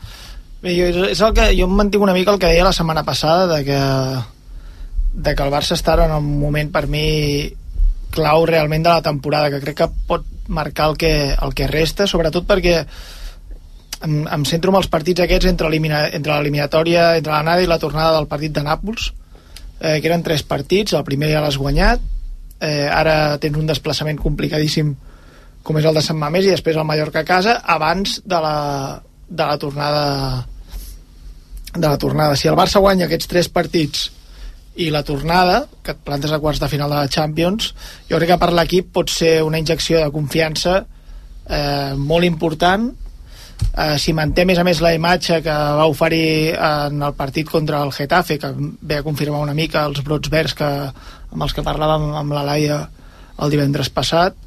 Um, si manté aquesta línia ascendent en una època a més a més vens de guanyar crec que ja són 13 de 15 des de que Xavi va fer l'anunci Correcte. de que marxava. O sigui, clarament mm, tot i la prudència que s'ha de tenir amb el Barça aquesta temporada l'equip ara està en una línia més ascendent eh, si a més a més es confirma aquesta línia també a nivell de joc, no només de resultats eh, ens pot quedar un final de temporada molt atractiu i per ser una miqueta més optimistes dels que érem doncs fa, doncs fa un mes mig sense anar més lluny Pero el optimismo o pesimismo respecto al equipo te lo transmite el juego. Sí, per això, per això et dic que si la Eh, línia, si la el- línia és ascendent en quant a joc també, com està demostrant després del partit de Nàpols l'altre dia amb el Getafe, que és el primer partit que guanyes sense viure tensionat Yo creo que es, o sea, el punto es ese. El punto es que hay algo. Había poquito, media hora en Nápoles, ¿no? 40 minutos, no sé Sí, cuánto. sí. En la primera part de La Nàpols primera parte, sí. Pomo va a cerrarlo en 45 minutos. Y que contra el Getafe el equipo jugó bien. Siempre se pone la excusa, ¿no? Que bueno, porque el Getafe se vendió, porque Bordalás planteó mal el partido, pero bueno, también te había costado ganar la Granada, te había, perdiste contra el Villarreal. ¿Qué otro partido había acá también? Eh, Vas también. empatar contra Granada, ho has dit. Granada. Villarreal y, no? i ja està y ganaste flojo en Alavés. Sí, bueno, 0-0. guanyes- Vas guanyar 0-1 contra a. Osasuna, et va costar 1-0 al Camp del Nou. Celta amb el penal a l'últim moment O de sea, venía- el equipo venía con mucha duda. Pero eh, contra Nápoles hizo buen, buena primera parte y después contra el Getafe jugaba bien casi todo el partido. Sí, però a part d'això, ja, ja us deixo, però és també les sensacions de que vas recuperant efectius, que ja veus una Yo creo que ahí plantilla está la clave. que ja hi ha més competència, per exemple, ara abans Vuelve d'entrar a l'estudi amb la, amb la Laia comentàvem a veure quin 11 podia haver-hi, però ja ara ja hi ha, ja hi ha variants, ja hi ha competència, ja Mm. hi ha diferents opcions per... per Para mí es clave la vuelta, la vuelta de Marc Sí, sí, sí. eh, y que los tres mediocampistas, o sea, los tres buenos mediocampistas, Pedri, más allá que ahora esté jugando de falso extremo o lo que sea, empiezan a jugar por fin juntos. Yo no sé cuántos partidos habían jugado juntos en la temporada, con este invento, reinvento de Christensen como pivot. Digo reinvento porque se había buscado ahí a, a Aurel Romeu eh, y, y también a, a Frenkie no había funcionado, entonces se buscó algo más tradicional. Y, y pero me parece que la clave está ahí y que Lewandowski la está metiendo. Al menos en los últimos cuatro partidos o cinco goles, o no sé, o, o tres o cuatro en los últimos tres, no, no me acuerdo bien el dato, pero creo que son cinco en cuatro. ¿No? Lo de Des de Lewandowski. que ha començat l'any en porta... Ocho. Ara en porta 18, Ocho, 18 a la... doncs a totes des que ha començat l'any en porta 9. Està molt bé. Está bien. Sí, perquè amb, amb, amb, amb d'agost a desembre havia fet els mateixos que ha fet fins ara. Per tant, ha millorat eh, els números. I jo, respecte a les bones sensacions que deia el Ferran, també em quedaria que l'altre dia, di, dissabte, veia jugar el Barça contra el Getafe i veies que els jugadors estaven gaudint sobre la gespa i que s'ho estaven passant bé, perquè en molts moments hi ha una tensió allà i veus que estan patint. I l'altre dia ells van gaudir i fan gaudir després a, a l'espectador. Eh, un gran partit l'altre dia, Marta, s'ha de confirmar un bon partit com a mínim, no? Perquè si no anem a batzegades i és, i és Sí, difícil, seria no? tirar enrere una altra vegada, no? Que és això, és la por aquesta i, i per això et ve gana aquest partit, suposo, no? També, per, per demostrar que hi ha un punt jo de dificultat. Jo porto un parell de setmanes dient-ho que per mi és el partit clau de, entre cometes d'aquesta part de la temporada. O sigui, si el Barça guanya aquest partit, eh, primer, que les sensacions canvien ja radicalment i segon, que pot haver lliga.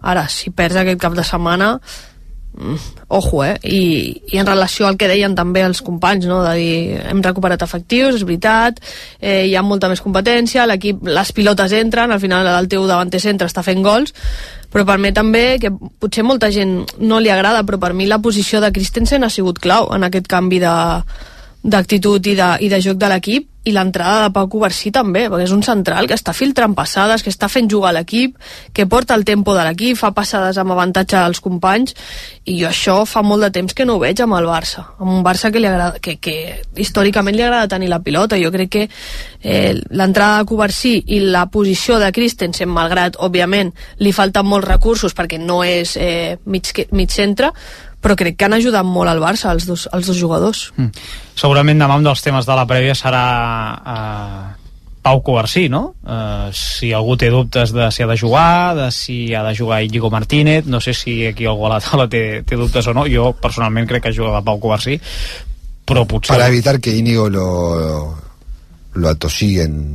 Que el xiulin, no, el xiula, que el xiu, si el xiulen, el xiularan. No, no, mm, Però, a buscar I, I no poden jugar els dos? Els dos, sí, sí. Podrien jugar els dos. Mira, hem tingut un predebat de, del possible 11. Mm. Ja... ¿Pero lo harían para cuidar a, a Araujo? De cara a Nàpols. ¿O por una cuestión de, que, de preferencia futbolística? No, però Araujo està molt cuidat ja, no? Sí. Vull dir, que, que, que, que vols cuidar-lo més si, està, si em porta quatre grogues? El que hauria de fer potser és eh, forçar Forçar la la cinquena quinta. segons com vagi per perdre's el partit del Mallorca. Jo, vaja, crec que Araujo serà titular di, diumenge. El que parlàvem abans fora amb el Ferran i ell ho ha recordat que Íñigo Martínez contra l'Atlètic a Montjuïc fa el seu primer gran partit. De fet allà reivindica mm. uh, una mica perquè no havia tingut un inici fàcil. Primer lesionat, va jugar al camp del Mallorca no va fer un bon partit i el dia de l'Atlètic Club es reivindica. Després ve el partit de la Champions es torna a guanyar la titularitat i arriba el clàssic i Íñigo Martínez és titular perquè s'ho ha guanyat en aquells partits. En aquella setmana Íñigo Martínez es va guanyar la titularitat. És que eh, fins i tot pot jugar a veure, eh, ojo, eh, però pot jugar Íñigo Martínez eh, de lateral esquerre Sí, o sí. descansar Aquí Condé estava. Estava o descansar Condé i... És que Condé porta no sé quants partits. Clar, exacte. L'altre- dia teníem 13. aquest, el, mateix, el mateix debat. Per això deia jo de, de, Sí. sí. que juguessin els dos, perquè jo crec que alguna d'aquestes opcions és a dir, potser... Íñigo lateral esquerre, eh, Covarsí, Araujo i a I lateral Cancelo. llarg que sigui Lo- Cancelo, lo- però mai és, el Barça a mai és el lateral llarg, el, Claro, el dret. base- ¿quién te doncs, juega- doncs, quién te profundiza? Cancelo, Cancelo Exacte. L'esquerra, Araujo per la dreta... I Íñigo i Covarsí de centrals. Íñigo i Covarsí, de, perquè a més a més eh, Araujo llavors quedaria més amb, més amb Iñaki, no? Perquè Iñaki juga més per la dreta. Juga més per la dreta, sí. Mm. Sí, ahir, bueno, almenys ahir va jugar més per la dreta. Sí, sí, sol jugar per la Nico per dreta. l'esquerra i Sancet com més centrat amb... Nico està sancionat, Sí, sí, recordo està sancionat, per eh, diumenge. però, però per, la, per això... No, juga a la sí, dreta, sí, no ho Iñaki. recordo Iñaki perquè la és, dreta. és un factor a tenir en compte mm. Ah, juga a la dreta, per tant... Para ponerle, a Iñaki- para ponerle a Íñigo contra Iñaki. Hauria de ser a l'esquerra. hauria de ser a l'esquerra. Hauria de ser a Pero l'esquerra. el tema es Araujo. quién te profundiza por la banda izquierda, no tenés nadie. Bueno, però potser no fa falta. Potser canvies el rol i profunditzes per la banda dreta i a banda esquerra fiques un jugador... O sea, volvés a poner a Lamin ahí. Que juega Lamin, no, no Rafinha. Bueno, també poden jugar els dos. ¿Y sacas a- al polaco? No. A què polaco? Ah, a Lewandowski. No, ella diu de jugar No. amb, els dos, amb els dos oberts, Clar. no? I llavors què vols dir? Que... Lamin Lewandowski i Rafinha per l'esquerra. Voleu dir que se'n va més no anirà amb quatre migcampistes? Sí, sí, jo, jo crec que sí. jo com crec que l'Atlètic sí. Club. Jo És que, eh, veus, és que fa un mes no hi havia aquest, di- aquest Sí, dilema, perquè eh, no de tenia tantes variants, exacte. Clar, no, no, això està bé. Això No. és un punt a favor del Xavi. Per departamento de una- fer alineación. Una, com a Sí. futbolista.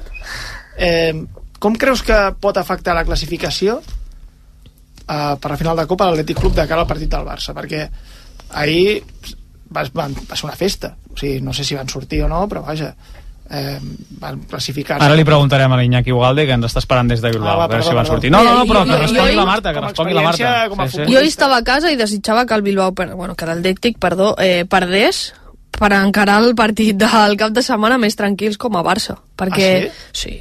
Sí, tu saps ara, amb, amb la motivació, amb les ganes que poden arribar el diumenge, havent passat l'eliminatòria, eh, enfrontant el partit del Barça sabent que si guanyen el Barça... Mm, jo crec que és un Atlètic club més perillós ara que si hagués perdut. Hosti, però jo pensava que era al revés, veus? A Bilbao, eh, i és el nostre company de Mundo Deportivo, l'Iñaki Ugalde. Hola, Iñaki, bona nit. Bona nit. Bona nit. Es, pregun... que bon. es preguntava el, el Ferran Martínez eh, si encara estan de festa els jugadors de l'Atlètic Club. Jo diria que eh, tenien entrenament aquest matí, si no vaig eh, errat, eh?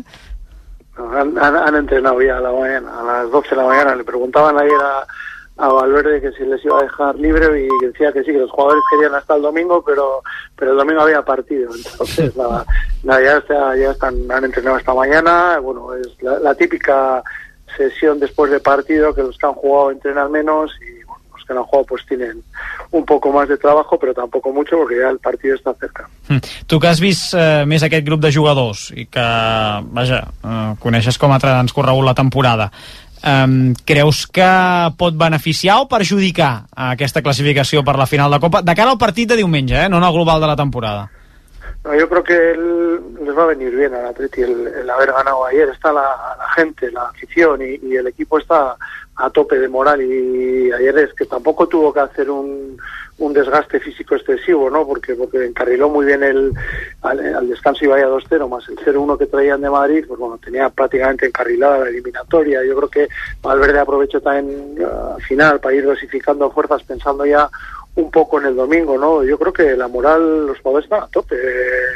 Me parece que la de ayer es, es la, la, la- no sé si la décima victoria seguida o la undécima en casa. O sea, el Atleti está fuerte en, en Sabamés esta temporada, ¿no? El, le ganó el Madrid en la primera jornada y luego creo que ha empatado con el Valencia y con el Getafe y todos los demás han sido victorias, ¿no? Eh, Hombre, tiene el hándicap de, de que no van a estar ni Vivian, que es un baluarte en defensa, ni, ni Nico Williams, que también es, son un jugador desequilibrante en ataque. He vist una dada aquesta tarda que respon la pregunta que ens estem fent ara. Sí? Les tres últimes vegades que l'Atlètic Club s'ha classificat per la final de Copa, és a dir, que s'ha classificat el següent partit, Sí. els ha guanyat els tres. És a dir, que la ressaca ha sigut ressaca feliç. Li ha anat bé. Les tres últimes vegades. Li esteu amargant la nit al Ferran Martínez, que venia aquí esperant que la Marta Corredera li digués Li que la raó. li va fatal això a l'Atlètic Club, que, que volia que l'Iñaki Ugalde li digués que malament, festa, que ha tingut dies. festa i que estan encara de ressaca i va, i la Laia Coll encara li dona aquesta última dada i hauria d'haver vist la cara del Ferran Martínez que pitjor que, que quan em van treure ahir el queixal del seny, Sí, potser, sí, no? exactament. Sí, sí, com ho saps? pitjor, pitjor i tot. Um, parlaves de Nico i de, i de Vivian Iñaki. Uh, quin dels dos és més important? Perquè parlem molt de Nico, però Vivian és també una referència ara mateix. Sí, es que tú, tú fíjate lo que es el fútbol, ¿no? Que, que la, temporada pasada aquí en Bilbao todo el mundo estaba preocupado porque si iba Iñigo Martínez, que se iba a ir, que, que era el baluarte defensivo, joder, y, se ha ido Íñigo y la verdad es que futbolísticamente no, no, no se le echa, no se le ha echado en falta, no, no porque sea un mal jugador, sino por el rendimiento que, que están teniendo Vivian y Paredes, que son además los que están llevando todo, toda la carga del trabajo a nivel de centrales, porque Geray pues lleva buena parte de la temporada lesionado. El otro día en, en- contra el Betis estuvo en el banquillo todo el partido, ahí está un ratito y bueno, lleva así toda la temporada. Entonces son dos, dos baluartes de- defensivos mm, que en teoría la temporada pasada eran los dos suplentes porque Íñigo y, y Yuri eran los que estaban por delante, ¿no? Y bueno, pues Vivian la verdad es que es espectacular, es, es, es- es, pues, bueno, pues un típico central de, de bravo, corre, pelea, choca eh, se va, va,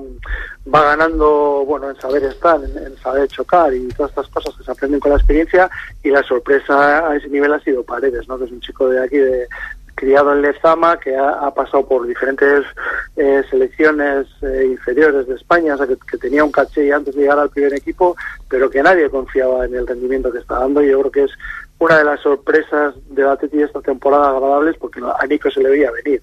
Nico ya se sabía que era muy bueno desde, desde, bueno, pues desde que llegó al Lezama, ¿no? Y la han ido puliendo. Y luego yo creo que también otro, otro chico que también está llevando mucho la atención, que tampoco se le esperaba a este nivel, es Beñat Prados, que bueno, Sí. pues mira, han, han entrado en el doble pivote él y, y Galarreta y ahí, ahí se ha quedado, ¿no? Y yo creo que posiblemente eh, mucha de la diferencia del Atleti en Samamés de, de esta temporada respecto a la pasada es esa, el, doble pivote este que, que genera mucho y, y recupera muchos balones, ¿no? Entonces le permite al Atleti pues jugar como, como juega y luego les ha liberado a, un poquitín a los Williams y luego otro factor, y ya, ya lo sigo porque si no, eh, es Guruceta también, ¿eh? que Sí. al final está haciendo una, una labor ahí arriba en punta que les viene muy bien a, a los dos hermanos, a Sancet también, y en el vestuario, no sé si lo sabéis o no, pero aquí le, le llaman Benzema, los compañeros. Benzema?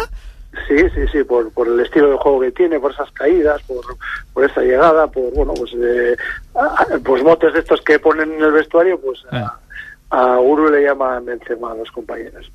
Mejor que digan por eso y no porque ande filtrando vídeos de los compañeros. sí, sí, sí. exacte, li diuen per més per la qualitat, eh, imagino, exacte, sí, sí. Eh, ara que parlaves de centrals, eh, Iñaki, com rebran a Íñigo Martínez? Eh, com el rebran a Sant Mamés?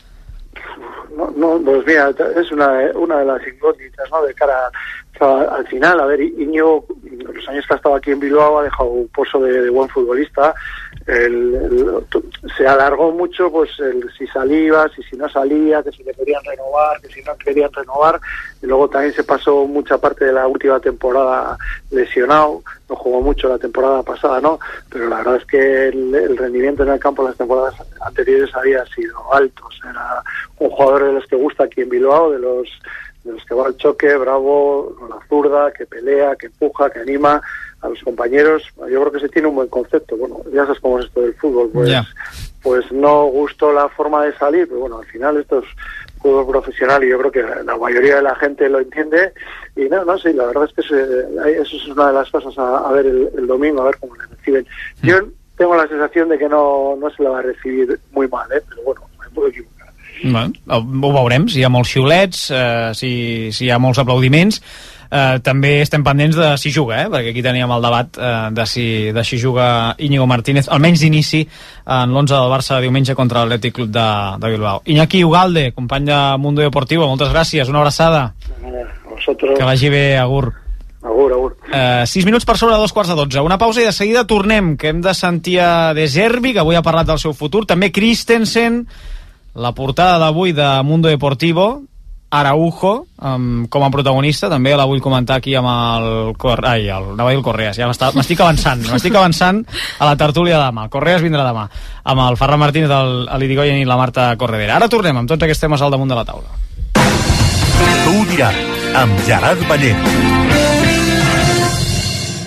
Recol·lector de clavells, repartidor de paquets, porto japonesos de tablau en tablau i nens d'escola en escola. Distribueixo taronges i mell d'abella i faig transfers d'aeroport de 12 a 2. Si vols fer un bon business, has de ser molt ràpid. Només fins al 20 de març, Business Day Citroën amb avantatges especials en tota la gamma Citroën i punt de càrrega inclòs a la gamma elèctrica. Condicions a citroen.es. Descobreix tot un territori amb encant per compartir amb la família i amics. Amb 11 estacions d'esquí alpí i nòrdic al Pirineu de Lleida i més de 500 quilòmetres de pistes en plena natura. Gaudeix amb intensitat tot el que t'envolta. Neu, natura, cultura, gastronomia. Apropa't a Lleida. Viu el moment. Patronet de Turisme. Diputació de Lleida. La nova temporada de Fórmula 1 a Dazón ja és aquí. I si ens il·lusiona tant, és perquè la Fórmula 1 ens corre per les venes. Amb Alonso, Sainz i el trio Calavera. Entra a dazón.com i no t'ho perdis des de 19 euros amb 99 al mes.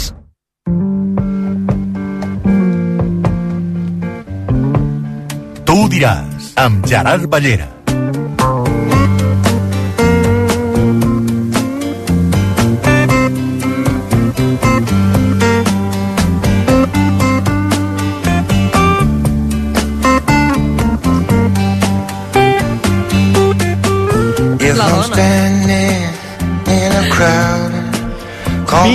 22 minuts i la mitjanit, eh, el contingut premium de la publicitat el deixarem per un altre dia, eh, Martínez. Sí, sí, eh, ha, ha, baixat, ha baixat del to de la música, has vist? Sí, Goyen? mucho, Eh, estaba pensando mica- lo mismo. Ara ens hem calmat de, de cop i Pero volta, demasiado, eh? no ni, no ho sé, ni, no una, sé. ni una Ara ho aixeques, ara ho aixeques tu una mica. Eh, a veure, eh, hem parlat una mica de- d'aquest Atlètic Club Barça de, de diumenge, demà en seguirem parlant, sentirem el que diguin també Xavi Hernández i Ernesto Valverde, però al voltant de l'actualitat del Barça passen més coses.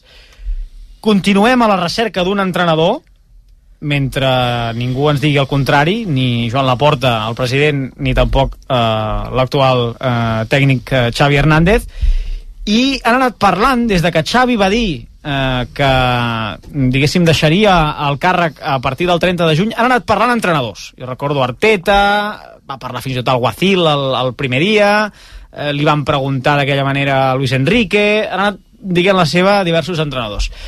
I eh, avui li han preguntat també a Roberto De Zerbi, una de les opcions, Laia, que hi ha al damunt de la taula de la direcció esportiva. Sí, perquè l'entrenador del Brighton, que és l'equip, recordem, on està cedit en Sofati, és de tots els candidats el que segurament s'apropa més a l'ADN Barça per estil de joc. En contra, però, li va que no ha entrenat a cap dels principals clubs europeus. De totes maneres, continua sent una opció per rellevar Xavi a partir del 30 de juny. Avui, en la prèvia del Fulham Brighton de demà, ha parlat per primera vegada del seu futur. La resposta ha estat políticament correcta sense tancar la porta a res. I have only bright. Només tinc el Brighton al cap. M'agradaria acabar aquesta temporada de la millor manera, competint i intentant guanyar tots els partits que puguem. Tinc contracte, no he decidit res. La meva atenció està al Brighton al 100%. 100%. És la seva segona temporada amb el club anglès i té contracte fins al 2026. La clàusula de rescisió és superior als 10 milions d'euros. Aquest és un altre hàndicap, que el Barça a priori s'hauria de rascar la butxaca per fitxar-lo, però a diferència, per exemple, d'Arteta... Ho ha fet amb els últims dos entrenadors, també. Sí, també és veritat. Eh, potser posa... Bueno, no, no, no, amb, el, amb Xavi ho va pagar Va ell. pagar ell. segona, No, per això dic que potser- Amb Koeman diria que també, no? Mm, Jo no. crec que amb, amb Koeman va pagar perquè estava de Que estava a la selecció. Estava a la selecció, va pagar alguna haver de cosa, Pagar alguna. sí. I després, perdona, eh, que, però per què, que, no, però és que no entenc això de que la clàusula són 10, són 10 milions.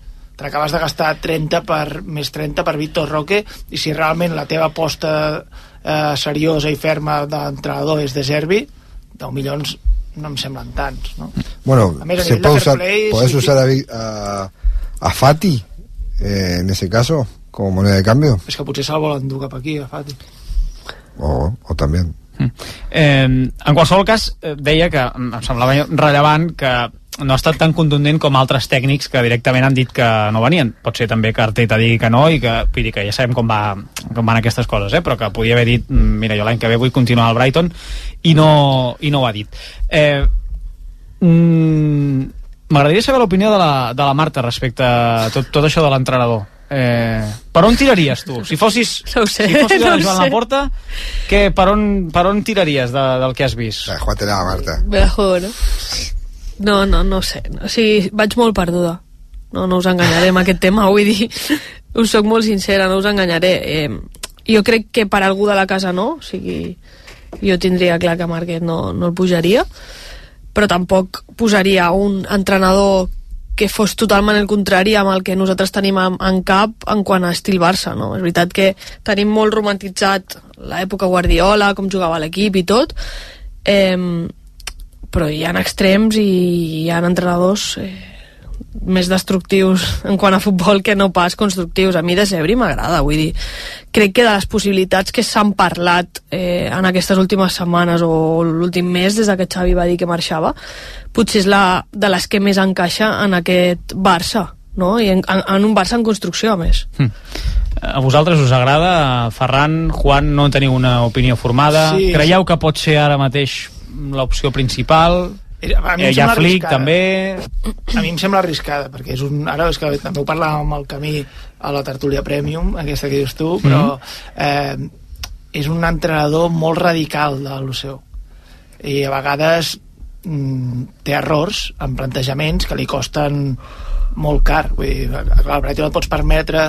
Crec que el següent partit que va sonar el seu nom com a entrenador del Barça, el partit de després eh, va perdre 0-4 o 4-0. Sí, al camp del Luton, sí. sí. 4-0 al cap del Luton saps? I, però bueno, per un tema de plantejament no li surt bé i allà t'ho pots permetre però aquí estàs obligat a guanyar sí que és veritat que és un, un entrenador que els seus futbolistes acostumen a créixer molt eh, sense anar més lluny has de veure el que va fer amb Caicedo amb McAllister eh, amb els davanters que té ara amb Mitoma amb eh, Joe Mario és el davanter que... Joao Pedro, no? Joao Pedro, perdó el, el que tenen eh, que també em sembla molt bon futbolista però eh, veurem què passa amb Ansu quan tingui continuïtat, Sí. ara que Mitoma a més a més està lesionat però sí que és veritat que després té aquest, uh, aquests atacs d'entrenador que és molt radical en, en els seus conceptes i a vegades li costen partits i bé, bueno, aquest any està fent una temporada més o menys correcta però uf, té aquests altibaixos que a mi no, no m'acaben de convèncer perquè el Barça sempre, com a mínim són molt pesats, ho reconec l'entorn amb el tema de l'estil i que s'ha jugat bé però si no guanyes i per molt bé que juguis i no guanyes aquí tens un sidral eh, cada, cada setmana. La cosa és que tampoc tens gaire avantall on escollir, vull dir, ja, ja he dit eh, que jo tema entrenadors, ells sabran molt més que jo perquè jo vaig bastant perduda.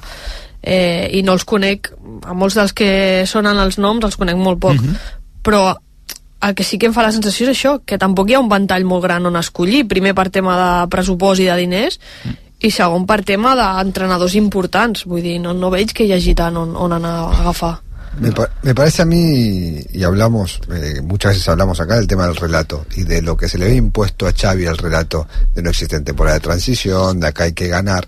Si traes a De Servi, el relato lo pones automáticamente en lo que dijo Ma- en lo que dijo Marta, lo pones en la construcción. Tenés a Curvasí, tenés a Lamin, tenés a Héctor, Héctor, Ford, a tenés a. Vamos a partir de un entrenador que mejora a los jugadores a dar, pro- a dar continuidad a este proyecto. Más, Ter Stegen, eh, Koundé y Araujo, Araujo y, y De Jong si se quedan, Pérez si se queda, eh, supongo que Gavi. Gavi, eh, sí, eh, Juan Es peligroso, pero vos das- estás mandando un mensaje. És el diciendo. Vamos a mandar un entrenador, como decís vos, bielcista en este punto de que un día vas y ganás 4-0 en Old Trafford y después perdés 0-4 contra el Luton. Eso es una, una cosa muy biel, muy de Bielsa, que vas a Old Trafford y ganás y después perdés la final contra el primer tonto que se te cruza. Eh, entonces, ahora, ¿qué vas a ir? ¿Por Mourinho? Asegurarte, ¿no? Que vas a... Claro, ¿qué vas a ir? ¿A dónde vas? ¿A Hansi Flick? ¿Los jugadores lo quieren a Hansi Flick? no, creo que no prefieren a Xavi que se quede antes que venga este que, que se quede Xavi Bueno, entonces eh, que Thiago Mota Sergio Conceizao me temo que Méndez siga colonizando el club Encara, encara està insistint amb Conceição. no, ya, claro que si no llegamos a decir ¿cuánto quiere Méndez? bueno, o o Pini, perdón, tenés razón. No, le damos la llave del club y se lo tome, muchacho, acá lo tiene. Hay que también al estadio falta una bandeja. Eh, claro, es que no. A mí la apuesta de Servi me convence en tanto en cuanto también el segundo sea un entrenador de la casa. O un entrenador que conozca el club. Porque cuando metes un extranjero que no conoce la casa, te puede pasar la del Tata Martino, que te arde el rancho por los cuatro costados. Ent- Entonces, si vos le pones invento, voy a inventar, ¿eh? Sí, sí, sí. Eh, Llámale X, sí. Sí, o PIM, PIMI es que no puede ser, pero alguien que conozca o que se olfatee el entorno, que maneja un poco cómo es el club, cómo son los jugadores, que pueda pegar un grito en algún caso, me convence. Ahora, solo que venga ahí como un paracaidista me da un poco más de miedo. No crec que tingui gaires problemes en fer-ho, perquè l'altre dia m'explicaven eh, que De Zerbi, quan aterra al Brighton, eh, demana a un entrenador de porters amb molta experiència al Barça, sí, sí, de fet l'entrenador de porters que és Ricard Sagarra. Sí. que va estar més de 10 anys sent eh, coordinador, diria, del Dels futbol, porters del futbol dels porters de- del futbol base de, i de del fet Barça. és qui s'emporta Iñaki Peña al Galatasaray Sí. Ell estava al Galatasaray. I De Zerbi, al Brighton, que dius, mm, les connexions, vull dir, no són molt lògiques tampoc. De Zerbi al Brighton diu, vull aquest entrenador de porters, va ser ell qui va demanar l'entrenador de porters, i me'l vull emportar cap al Brighton, perquè el vull amb mi, perquè jo tinc una sortida de pilota que s'assembla molt a la que es treballa al futbol formatiu del Barça, i per això vull aquest porter, el Ricard Sagarra, amb mi com a entrenador de porters. Ho dic perquè Això és de ser un entrenador molt intel·ligent, jo no ho sabia això. I és de ser un entrenador molt intel·ligent, saber rodejar-se de persones que saben el que volen jugar i, no? I una mica, no sé, jo, jo En Ara, ara no, o sigui, m'acabo No. d'enterar ara, Gerard, i, i em sembla molt intel·ligent jo per crec part que és seva. un, un detall significatiu Sí. tenint en compte el que ens explicava ara el, el Juan que dius s'ha de saber rodejar també perquè és veritat que no, no, no, no ha mamat el Barça de Zerbi No, no, en, en cualquier, en cualquier ámbito hay que saberse rodear. Pero en el banquillo del Barça creo que más. I a part de Servi és un malalt, o sigui, ja, ja fa molt temps que assumia eh, entrenar al Barça. És un romàntic del Barça, Sí, sí. De fet, de l'època de... Quan estava al Sassuolo, era el Ramon Planes era l'entrenador que tenia al cap per, per venir a entrenar al Barça, el que passa que en aquell moment no es van atrevir i no sé si van acabar portant a Quique Setién, pot ser? Que des... Buen, buen, buen, buen fichaje. Sí, era Quique Setién, no? Sí, no, crec que sí, Ah, no sé. Però bueno, de Servi en aquell moment sí que estava al Sassuolo, Dejó un gran recuerdo, Quique. Mejor que el de Griezmann. Sí, però tampoc era... encara era molt més arriscat agafar Setién almenys... Bueno, aquí tenia l'etiqueta i alguns jugadors importants del vestidor també l'avalaven i de fet el van demanar. Per això porten aquí que Setién. tot quadra tot quadra, més o menys, més o menys tot quadra és arriscat és arriscat ¿A vos, te perquè... gusta, ¿A vos te gusta de Servi? Sí. No crec puedes que sí. simular. No jo, crec puedes- que és, jo, crec, jo crec que sí, jo crec que és uh, un entrenador que com a mínim veuríem, veuríem un futbol diferent. Això sí. Jo crec que com a mínim veuríem un futbol el- diferent. Potser, potser te la fotries igual, eh? També t'ho dic. Potser ¿Y te la qué? fotries. ¿Y qué problema hay? Si te la Sí. estás pegando igual. Sí, sí. Jo tinc la sensació que el, el proper entrenador que vingui serà un pedaç. No sé per què, eh? però no, no, és sen, pura sensació. Pedaç, eh? Un pedaç, sí. Com que no... Que no. Esperant aquí, un pedaç esperant aquí. Pues esperant, no sé, a que el següent projecte, perquè que, quan li queda a la porta? Fins al 26. Però... No, pará, que un montón. però bueno, no, no, no queda tant, no queda tant, Dues però home... dues És- temporades. És, un any i mig. No, no, una temporada i mitja, no? 26? No, bueno, acabaràs el 24, no, sí, correcte, dues temporades. No sé, que no sigui... I la, a Guardiola, quan li queda al City... Li queda, li queda però què un està- any què- més. què Acaba el 2025. De director esportiu, no? De director esportiu podria venir. No, pero va a agarrar la selección inglesa. Però podria venir de director esportiu i seria l'únic que podria convèncer Arteta, per exemple. Podria ser una declaració Però què que ara, què és podria este- ser una declaració que ara l'agafem, Què eh? la, la guardem al congelador i d'aquí un any la traiem. A veure, a Què veure si estàs- té sentit o no. ¿Qué estás soltando? ¿Pero qué? por- La gente está saltando en la casa con esto que está diciendo. No, no, pero- Viene Guardiola con Está creando hype. Sí, tornar aquí y, com a- resucitamos a Messi. ¿Qué está diciendo? Ja, clar, clar. Com a, I tu com a creus... director esportiu, sí, per exemple? Jo crec que podria tornar. Podria tornar. I creus que d'aquí un any i mig Guardiola estarà disposat a deixar de ser entrenador per venir a fer... per passar a ser director esportiu? És el club de la seva vida, no? El necessita. ¿Con quién de presidente? Ya que está jugando, decime, ¿con quién de presidente? Ah, no ho sé. Amb- Piqué, no? Piqué, quién- o Piqué. con quién de- No, no. o con- ja o revolucionem. vamos a hacerlo así, ¿con quién de dueño del club? és molt dolent, és molt dolent. Claro, me está, me, que- me Bueno, está- potser, potser és el seu germà. La... Ah, otra, es otra cosa, ahí puede ser. Sí, no? Sí, sí, bueno, ahí tot, vuelve. tot quedaria a casa. Seria estrany, però, també. Eh? Seria, una mica, seria una mica estrany. Eh, tancarem el tema, el tema entrenador, el deixarem per més endavant. Hem parlat una mica de Servi perquè avui s'ha expressat a, a, sobre el seu futur.